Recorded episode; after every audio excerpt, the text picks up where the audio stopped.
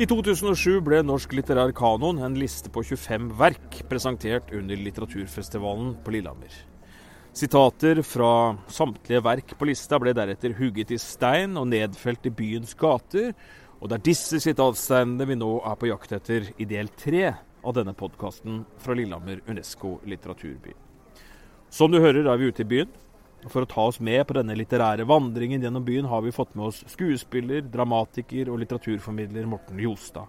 Han står klar på et gatehjørne rett bortpå her. Du kan gjerne høre denne podkasten i fred og ro mens du er på joggetur i Grimstad, eller rydder på loftet på Vinstra, eller hva du nå enn gjør. Men dersom du har lyst til å bli med oss på denne turen rundt i byen, altså gå sammen med oss, så er det kanskje greit med en liten jukselapp. Første stopp det er en slags øy midt på Jernbanetorget i Lillehammer. Deretter går vi videre oppover Jernbanegata og stopper rett før fotgjengerfeltet over til Stortorget. Tredje stopp det er krysset Langes gate Storgata, der man går ned og inn i Søndre Park. Før vi da ender opp utafor Kulturhuset Banken. Det er dagens rute. Men nok prat. Nå går vi bort og møter Morten.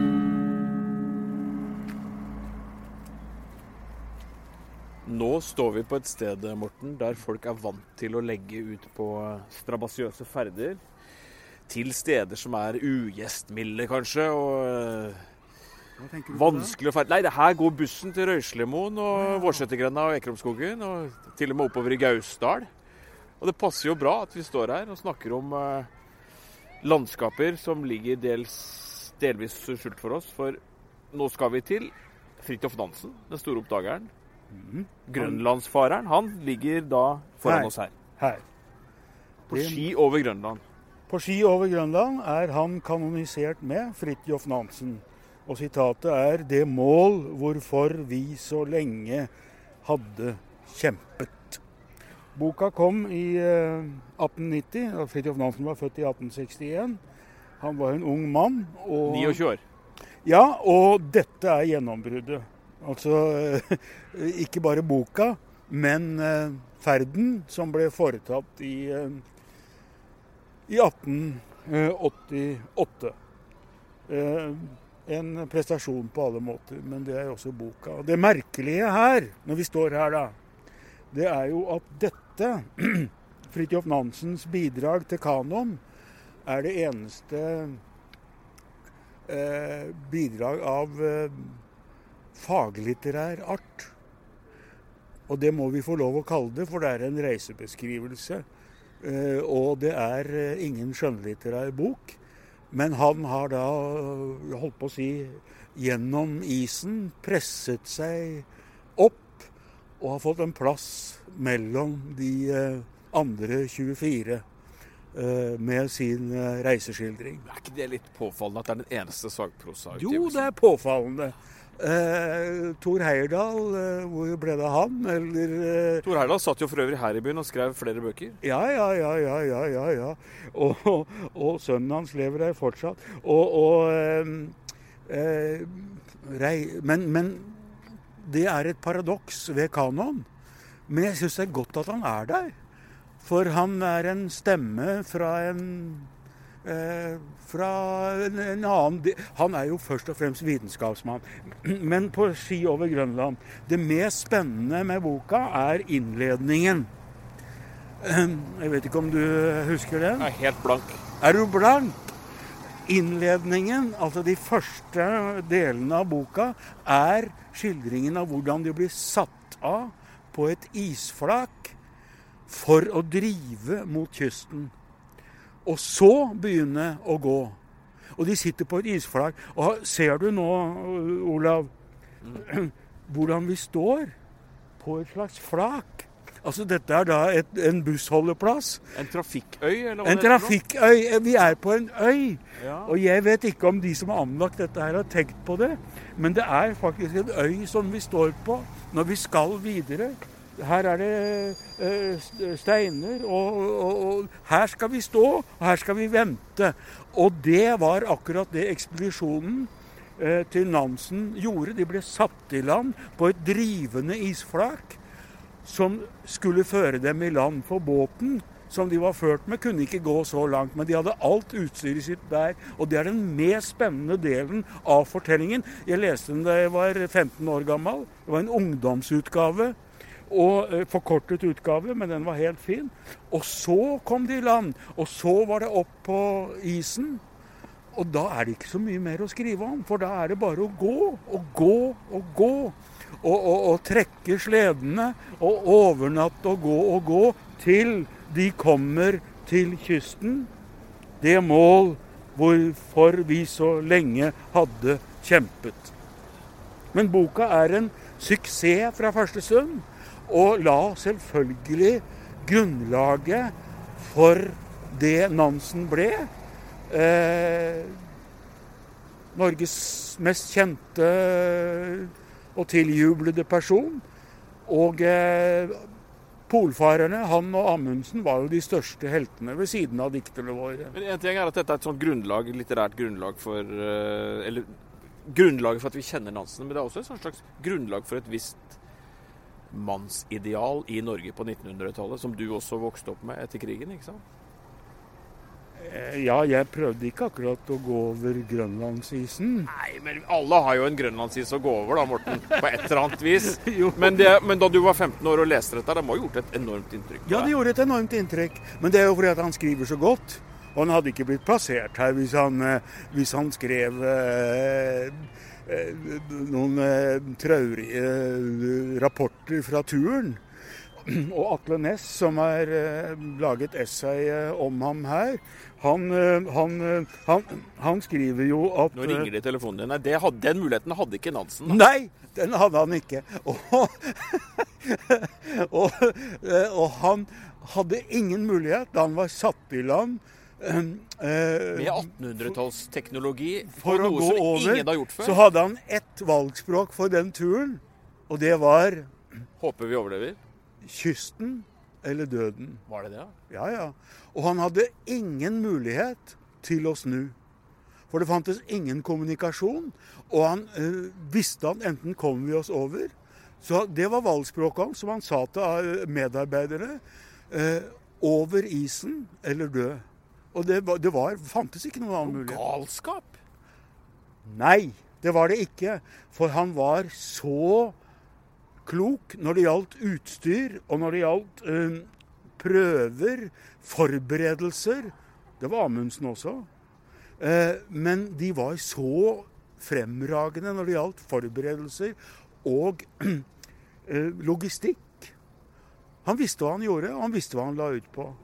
Men han må jo også ha vært en eh, altså, hatt en enorm evne til å overtale folk til å bli med seg på noe sånt. Altså, Bli med meg på å teste dette her, kanskje vi dør. Det er jo et eh, relativt sterkt krav å komme med til folk. Ja, ja, ja. Men de stolte på han, da? Ja, ja, ja. Og to av de eh, som var med, var jo samer. Og, og, gikk over grønlandsisen i sine kofter. Og det er jo helt fantastiske bilder i den gamle boka som jeg står med her. Og, og, og de andre var eventyrere. Og selvfølgelig helt fremragende idrettsmenn. Men vi må huske på at dette la grunnlaget for hele eh, den Og nå står vi på Lillehammer. Eh, det er bare å fortsette rett opp til Lyskorsbakken. For den rollen skisporten skulle spille i Norge. Og da kong Haakon og dronning Maud og lille Olav kom til Norge, så var en av de virkelig nære eh, vennene de fikk, det var jo Fridtjof Nansen. Og det var jo han som sa til den danske dansken og den engelske dronning Maud at eh, dere må lære å gå på ski. Da vinner dere Norge. Så en bok kan sies å være utgangspunktet for uh, norsk skikultur? Ja, det må vi si om den boken. Og da er det spørsmål Men så kan vi diskutere hvorfor en faglitterær bok i dette mylderet av eh, Garborg og Hamsun og Ibsen og eh, Men hvorfor ikke? Kanskje Kanskje er det en slags drøm man beskriver? Altså, alt er reelt. Han klarte det. Det var en prestasjon uten like. Men kanskje er det en eh, norsk drøm han beskriver, da. Og en eh, drøm om noe som vi en gang også skal få oppleve i Lysgårdsbakken. Det er i hvert fall ikke skrevet noen norsk roman med en så kul tittel som 'Kysten eller døden' så langt. Nei, men det er ikke det som er tittelen, da. Men, men det, er, eh, det, er, en realitet, og det, det, visste alle som hadde sagt ja til å være med han. Det slår meg også at eh, når det gjelder det denne byen kanskje er mest kjent for? Birkebeineren, Birkebeinerløpet, det har jo også eh, sin basis i litteraturen, nemlig eh, sagaen om Håkon Håkonsson fra ja. 1200-tallet. Ja. Så ski og skisport og litteratur er tettere knytta sammen enn kanskje en del folk i den byen her eh, er villige til å innrømme. Nei, eh, vi kan diskutere om Nansen faller inn i kanon. Men det skal vi kanskje gjøre senere, eller eh, over et glass. Men, men det er viktig at også den skjønnlitterære sjanger utfordres av noe annet. Og kanskje har de som da satt i juryen for kanon, tenkt at vi må ha med en annen stemme. Eh, naturens, sportens, motets og eh, ja, livsmotets stemme, da. Og så ble han jo den store, store humanisten.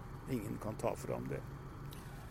Du Morten, da skal vi gå av dette isflakket, så skal vi ja. drive inn mot kysten. De går av isflakket. Her det, går det litt ned, og så, og så venter bussene ja. på oss som lever i en uh, litt enklere tid. Men uh, jeg syns det er morsomt at det ligger på et isflak. Og det er, som sagt, det, det som er mest spennende med romanen, er der de driver på isflakket satt opp telt og har hele utstyret, ikke aner hvor de skal komme i land og hvordan de skal, eh, hvordan de skal gjøre dette her. Skigåingen over endeløse sletter når de er kommet opp på platået på Grønland, det er det ikke så morsomt å lage god litteratur om. Du, Nå skal vi drive oppover i byen, vi. Ja, det skal vi. Vi skal videre oppover i byen. Og vi følger vel kronologisk eh, vi tar, det, vi tar det etter tur her. Vi tar det etter tur. vi tar det etter tur. Jeg husker ikke hvem den neste er. Vi får se.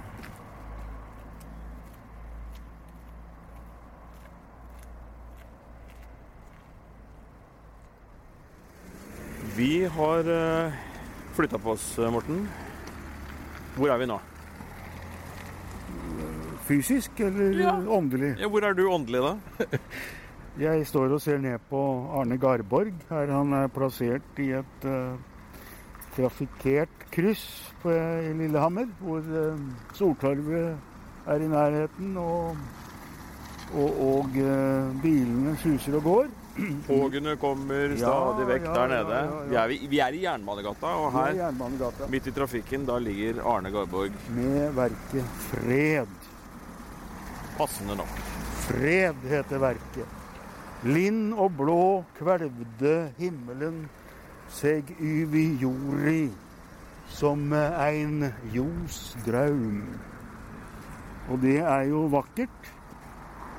Men eh, boka 'Fred' eh, handler ikke om det vakre. Den handler om eh, Enok Hove. Det er nå greit. Hovedpersonens navn. Eh, men det er den, eh, det store verket om eh, eh, kristendom og eh, angst for fortapelse i norsk litteratur.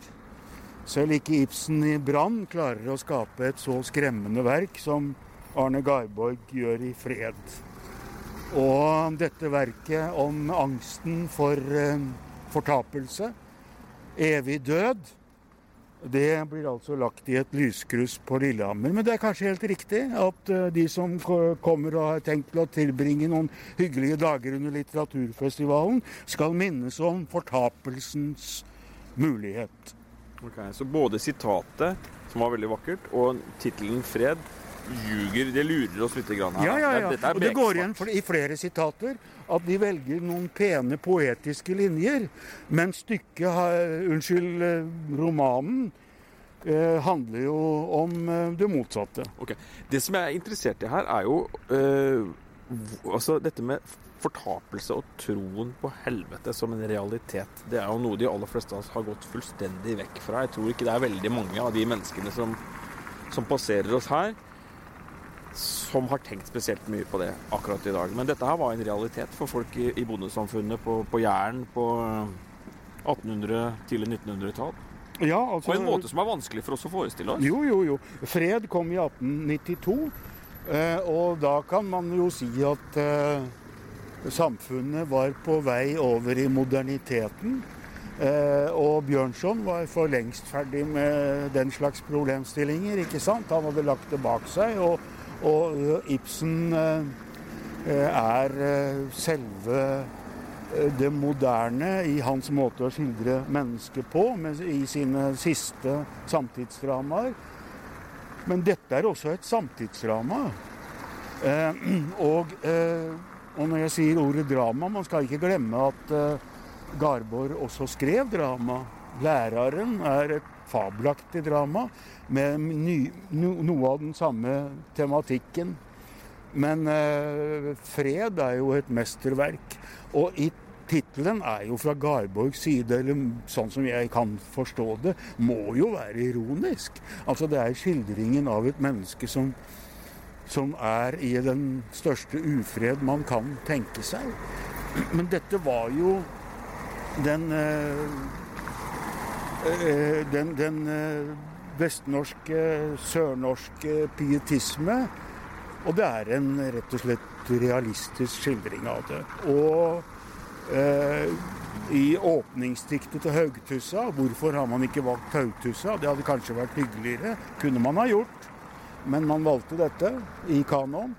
Eh, så det store åpningsdiktet er jo tilegnet faren hans. Jeg kjenner deg. Jeg kjenner deg som ikke vann. Faren hans tok jo livet av seg i en slik kamp som eh, Enok gjennomgår i denne boken. da. Og dette ble jo Garborg aldri ferdig med. Hva vet vi om hans egen kristen tro? Var han religiøs? Ja, ja, ja. Det var han. Han er jo i salmeboka vår òg. Men han, eh, han fant en fred. Eh, Jeg kan ikke nok om det, det må jeg bare si. Eh, Men han fant en fred ved at han også var så, tror jeg, litterært orientert at han, eh, at han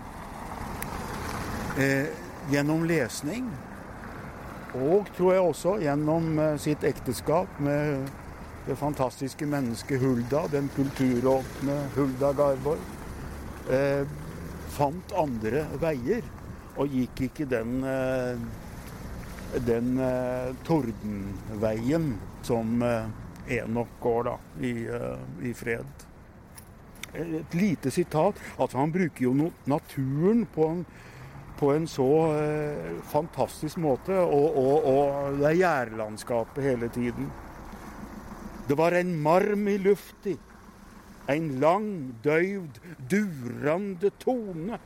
Havet koka opp fra sine djupaste grunner og reiste seg som til den siste strid. Rommet skalv i susing og angest, i redsla for den kommende vreie og store undergang, da væri skal losne i sine saumar, og jorda søkke i havet, og himmelen rullast opp som en duk. Det var et havbrak.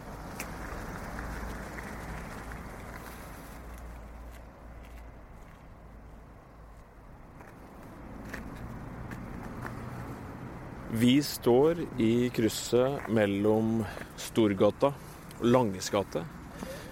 Langes gate, som da er en eh, uvanlig bratt bakke, som starter med ei kirke og ender i et sjukehus. Jeg vet ikke om det er en slags eh, metafor, ja, men, eh, men her er vi i hvert fall. Ja, ja. Og midtveis, i en liten knekk, et sted mellom kirka og sjukehuset, idet ambulansen passerer her, så støter vi på Knut Hamsun. Ja. Nobelprisvinneren som også hadde et sanatorieopphold bak seg her på Lillehammer. Boka det handler om, det er mysterier. Det er tidlig i forfatterskapet. Ja. Gjennombruddet var eh, eh, sult, og eh, neste bok var eh, mysterier. Så det er tidlig. Men eh, han hadde jo et brakende gjennombrudd. Så, så han hadde full oppmerksomhet da han skrev mysterier. Skal vi bare dra gjennom det kort? Hva er, det, hva er eh, plottet i mysteriet, for å si det sånn? Hva handler boka om? Det er en fremmed som kommer til en liten by. Ja, det er eh, Nagel som kommer til en liten småby, en kystby, og eh, oppfører seg på en høyst merkelig måte. Og eh, forsvinner like plutselig som han kom, som det står om i boken. Med et plopp. Sitatet her, hva er det? Vil De tillate meg å ta dem litt på puffen? Eh, og Mysterier er et eh, godt valg, men eh, det er klart at når det gjelder Hamsun, så er mulighetene for valg så enorme. Jeg kunne jo for så vidt tenkt meg at man hadde valgt f.eks. Pan, og hatt et litt mer høyverdig sitat. Et av de flotteste hos Hamsun, hvor det står om nordlandssommeren. Det begynte å bli ingen natt. Sånn kunne vi holdt på på hver eneste sitatstein, ikke sant? Eller i hvert Ja, nesten, mange av de. i veldig mange. veldig mange, Enten det er Ibsen eller det er, eh, eller det er eh, Holberg eh, som finnes i nærheten her. Eller, eh, eh, så, så, så, men Hamsun er i hvert fall utrolig rik, da. Jeg skal være litt personlig, så skal jeg fortelle deg det at da jeg leste 'Mysterier' som 19-åring, så var det et, et bombenedslag for meg. Var det det? Ja. Ja. Det, var, det ikke på Det leseropplevelsen ligna ikke på noe jeg hadde vært borti tidligere. Eh, og jeg har snakka med mange som har lest akkurat den boka, som ung mann på rundt 20, som har, blitt, eh, som har gått derfra eh, merket, for å si det sånn. ja, men da står det en her også.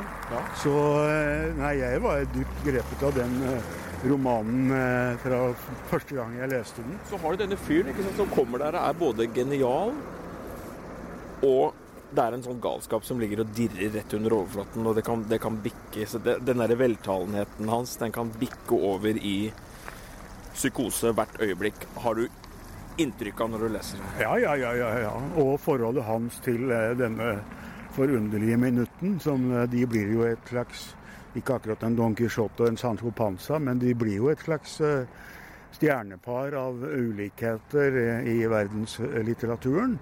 Eh, Og så er det jo det med, mysterier. Det var veldig artig å høre at du får sier akkurat dette. Det er jo det at han på, Man kan jo lese det som en kriminalgåte. Og han klarer å skape noe som er så gåtefullt. Men det er ikke, etter min mening, maniert. Det er ikke jålete gåtefullt. Det er virkelig en gåte med eh, denne mannen og Nagel og denne byen og minutten og hele miljøet rundt dem. Men mitt spørsmål er Bør jeg lese den boka på nytt? Tør jeg å gjøre det? Altså Det som har slått deg så i magen som 19-åring, hvordan blir gjensynet med det 20 år etterpå? Er det en litt sånn pubertal bok, eller står den seg? Jeg vet at Knausgård ikke var helt fornøyd. Knausgård har da eh, skrevet dette essayet. Det er det absolutt lengste i denne essaysamlingen eh, om den norske litterære kanon. Eh, og han eh, eh, eh, bruker mange sider, flere enn noen andre i essaysamlingen, på å forklare oss hvilken dårlig roman eh, mysterier eh, er. Jeg kan ikke gå inn på argumentasjonen hans, eh, men eh, vi som står her, er i hvert fall ikke enige. Det interessante med Knausgård, som da ikke er kanonisert, det er at han fremholder to andre bøker av Hamsun som han mener er de store. Og det er den første og den siste. Det vil si, ja, ikke den, altså Sult er jo ikke den aller første. Han hadde skrevet flere bøker før det. Men det er Sult, og så er det på gjengrodde sider. Og det er jo to selvbiografiske bøker av Hamsun. Og dette essayet skriver han ikke så lenge før han begynner på sitt uh, storverk 'Min kamp'. Så jeg lurer på om uh, det ikke mest interessante med, med dette essayet er at, uh, at, det handler om ikke Hamsun, men om Knausgård. Og at det peker fremover mot noe som dessverre ikke ble med i vurderingen av den norske kanon, kan vi si. Det er sagt, da, at det fins egentlig bare to historier her i verden. Man leaving town og Man coming to town. ja, ja, ja. Og mysterier er jo det siste, ikke sant? Man coming to town. Ja, ja, ja. ja, og, og, eh, og, det på en helt suveren eh, måte. Altså, det er jo Det siste vi ser til ham, er jo at han, han bare bestemmer seg, og så løper han ut av pensjonatet, eller dette, dette, skrøpelige stedet hvor han bor. Han kan jo ikke betale for seg, eller noe sånt. Og så løper han rett ned mot havnen, rett ut på bryggen, og eh, kaster seg rett i vannet. Og Plopp, sier det da. Bare noen bobler steg opp. Ja. Det er også en variant av Man Living Town, for så vidt. Men det er jo ikke sant, men det er jo Grunnlaget her er jo dette med at uh, det er en sånn grunnlagsfortelling, det der med at man kommer utenfra og er helt ny på et sted. Og setter hele stedet i spill. Alle de inngrodde mønstrene. Eh, man setter ting i bevegelse. Den fremmede kommer inn. Alle lurer på hvem er dette her, hva er det som skjer nå? Ja. Og så er det helt åpenbart at dette kommer de til å snakke om i årevis eh, etterpå. da. Kanskje. Eller at det um, blir mer Jeg er ikke så sikker på det. Jeg tror han Jeg er ikke så sikker på det. Altså, han har jo denne magiske uh, fiolinkassen sin med seg. Og, men det er jo et stort øyeblikk hvor uh, det er vel en som er oppe på rommet hans. Og da er, er den For han spiller aldri på den fiolinen. Men det er en som får se at da står den åpen, og den er full av skittentøy ikke sikker på om han ble husket. Eh, det var kanskje ikke så mye ved ham i det hele tatt. Jeg så en fantastisk teateroppsetning på Oslo Nye med Toralf Maurstad som Nagel og Espen Skjønberg som Minutten. Det kunne ikke vært et eh, flottere par til å gjøre de to. og da Espen Skjønberg skjærer tenner Det står jo beskrevet hos Hamsun, det. Du, du, husker det? At han, han, han tjener skillinger når uh, han er i et selskap og folk sitter og drikker så lurer de ham til å skjære tenner. For det hørtes over hele rommet, og dette syns folk var så morsomt. For et bilde på eh, undertrykkelse av et fattig menneske, ikke sant. Som å sitte der og skjære tenner for å underholde borgerskapet. Men vi står da et kvartal unna Tårnpetter, som gjorde lignende ting her, her i byen?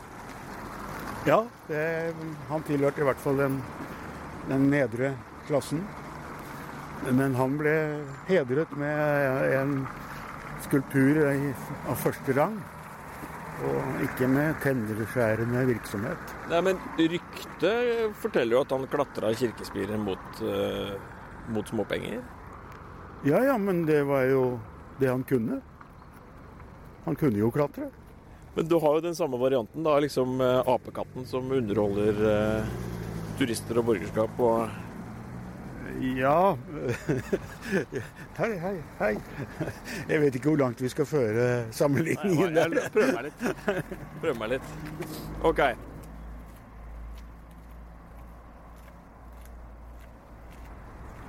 Nå står vi utafor Kulturhuset Banken. Og her uh, støtter vi på en uh, rogalending, er det vel? Ja, det er det. Sigbjørn Opptvelder. Født 1866. Eh, og eh, et kort liv som eh, holder ut århundret. og et lite, begrenset forfatterskap, må vi si.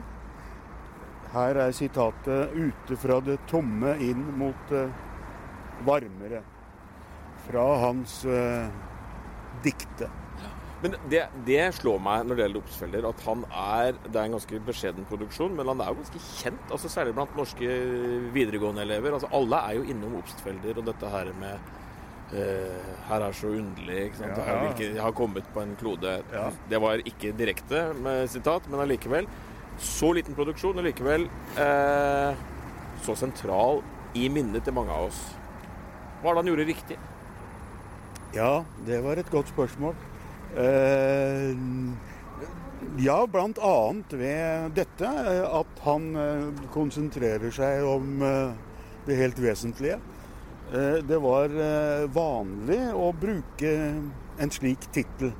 Det er bare én diktsamling han har gitt ut. Det, det, finnes en del løsedikt, som man kaller det, som selvfølgelig er gitt ut senere. Men også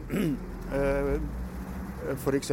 Olaf Bulls første diktsamling het 'Dikte'. Og eh, det var naturligvis også i respekt for Sigbjørn Obstfelder. Men han skrev eh, et par skuespill, særlig et som heter 'De røde dråper', som er veldig interessant, interessant dramatikk. Og han skrev en fin roman som heter 'En prests dagbok' mot slutten av, eh, av sitt korte liv. Men det er jo diktene hans, som du sier, eh, som, eh, som eh, man husker først og fremst, og som du har helt rett. Det, blir også, det, slår ungdom også i dag. Og da har han jo gjort noe som er treffende. Ja, og Hva slags litterær tradisjon er vi kommet til nå? Er det modernismen vi snakker om, eller er det Ja, ja. så avgjort. Og, og med han Eh, mer enn eh, andre lyrikere før ham i det hele tatt. Eh, det fantes andre, men, men, ingen fikk et navn sånn som han. Men det var jo andre som hadde utviklet den, altså den åpne, frie form, ikke sant, som han skrev i. Som ligger et sted mellom prosadikt og, og, og rytmiske dikt og, og lite bruk av, eh, av enderim og, og, den slags. Han har det også, men, men, men dette var jo utprøvd i andre land. I Frankrike og i USA f.eks. Men eh, det er eh, Jeg vet ikke nok om han kjente noe særlig til det i det hele tatt. Han, han skaper det på en måte veldig mye ut fra seg selv. Jeg, jeg tenker jeg ser liksom for meg Obstfelder som står og kikker litt bort på Edvard Munch. Ja. Ja. Blir det en riktig sammenligning, eller? Det syns jeg er en god uh, sammenligning. De er jo til de grader samtidige. Og, uh, og uh, kjente til hverandre. Så det er jo den samme, samme tidsfølelsen av å, av å være ramlet ned på en feil klode, som du nevnte. Og massive inntrykk og massive inntrykk. Og eh, Helt sånn hudløst, på en måte? Ja, to sarte sjeler som gikk gjennom eh, Norge, og, og, og, ikke bare Norge. Men hvorfor er det ikke de mest kjente eh, verselinjene hans, dette her med å komme til en eh, feil klode osv., som, som ligger her utafor Kulturhuset Banken? Hvorfor er det akkurat dette her, tror du? Ja, Det er en eh, del av et forholdsvis langt uh, dikt, men uh, la meg heller lese et kortere som jeg er veldig glad i. Kan speilet tale? Kan speilet tale? Speilet kan tale. Speilet skal se på deg hver morgen, forskende. Se på deg med det dype, kloke øyet. Ditt eget. Hilse deg med det varme, det mørke mørkeblå øye. Er du ren? Er du tro? Det holder jo i dag. Ja visst gjør det det. Og det kunne like gjerne ligget her. Ja, det kunne det. Det kunne det. Um, Men er det en grad av tilfeldighet uh, bak liksom utvalget her? Du er kritisk til enkelte av sitatene? Men uh, ja, at Obstvelder må være med på løypa, det er helt opplagt, men uh... Jeg har ikke noe imot det resultatet der. Jeg syns det er veldig fint. Men det inngår altså i et, i et, uh, i et Det åpningsdiktet i, eh, i eh, samlingen. Eh, venner. Livet. En i uendelige baner seg slyngende stråler. Gjennom alle vesener, gjennom alle kloder osv. Og, og så kommer det litt lenger ned. Ute fra det kolde. Ute fra det tomme. Inn mot det varmere. Inn mot det varmeste. Inn mot Gud. Lyse. Men jeg syns jo at det jeg leste nå, er mer pregnant og, og, og, og eh, sikrere i formen, hadde jeg nær sagt. Men, eh, men, dette er jo bare en eh, oppfordring til å gå hjem og lese selv og, bla. Eller så kan det leses ute fra det tomme inn mot det varmere, som at man da skal gå inn i et kulturhus. Det hadde jeg faktisk ikke tenkt på, men det er jo en nydelig tolkning. Ja, skal vi gå inn og varme oss litt? Vi får gjøre det.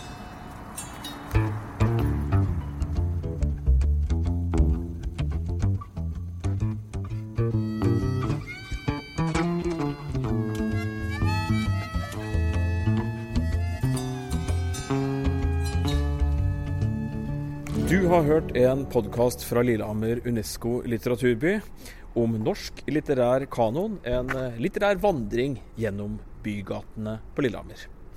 Vi hadde med oss som guide Morten Jostad.